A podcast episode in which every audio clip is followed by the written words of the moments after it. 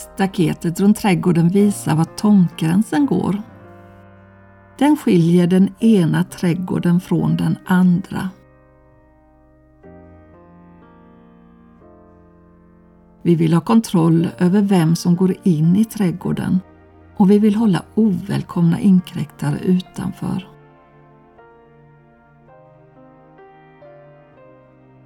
Samma sak gäller våra personliga gränser gentemot andra människor.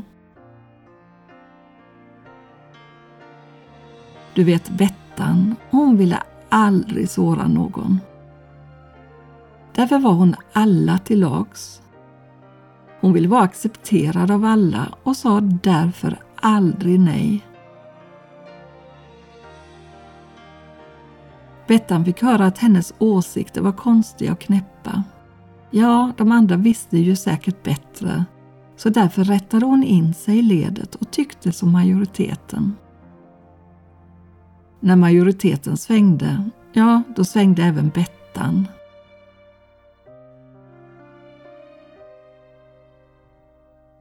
Bettan hade ett ganska trasigt staket runt sitt hjärtas trädgård.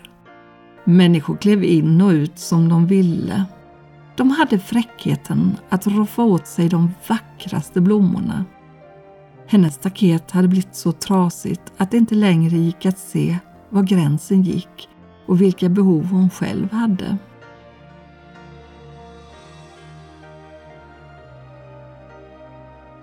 Din personliga gräns hänger samman med din identitet. Gränsen är en linje som skiljer dig från andra. Den berättar vad som är ditt ansvar och vad som inte är ditt ansvar. Har man inte tydliga gränser uppstår gränsproblem. Då är det lätt för andra dominanta krafter att ta över områden i ditt liv som inte tillhör dem. Och då frestas man att göra sånt som man egentligen inte vill. Din personliga gräns säger något om vem du är. Vad du tycker är viktigt och värdefullt. Och säger något om dina behov och känslor. Du har ansvar för din kropp, dina känslor, dina attityder och dina val. När du har fasta gränser skyddar du dig själv från att ge mer än vad du borde och du skyddar dig från att andra tar mer än de har rätt till. Jesus säger i bergspredikan att ett ord ska vara ja eller nej. Allt utöver det kommer från den onde. Gud vill att du säger ja till det som är gott och nej till det som skadar dig. Bibeln är ett kärleksbrev från Gud. Han har satt upp gränser, inte för att skada dig utan för att rädda dig. Din identitet definieras inte av andra. Du får låta dig definieras av Jesus Kristus. Där finns din sanna identitet. Han som har skapat dig säger, var inte rädd för jag har räddat dig. Jag har kallat dig vid namn, du är min.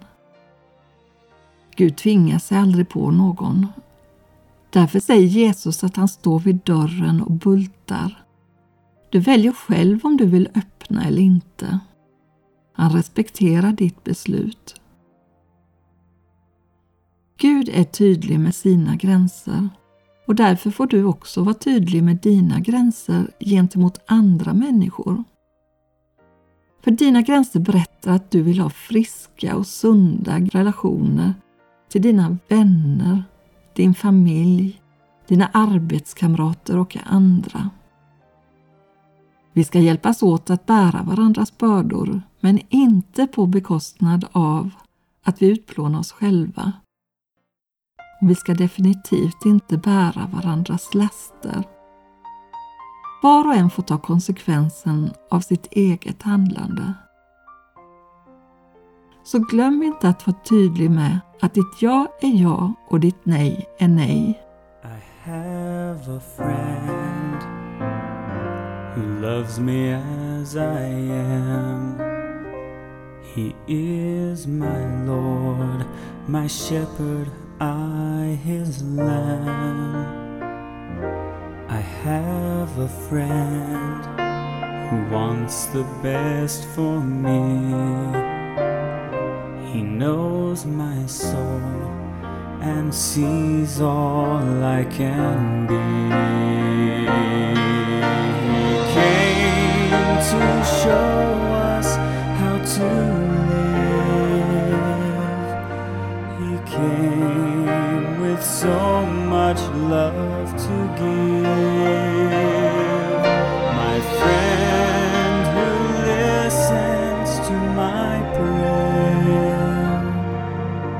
My Savior, He is always there. I have a friend.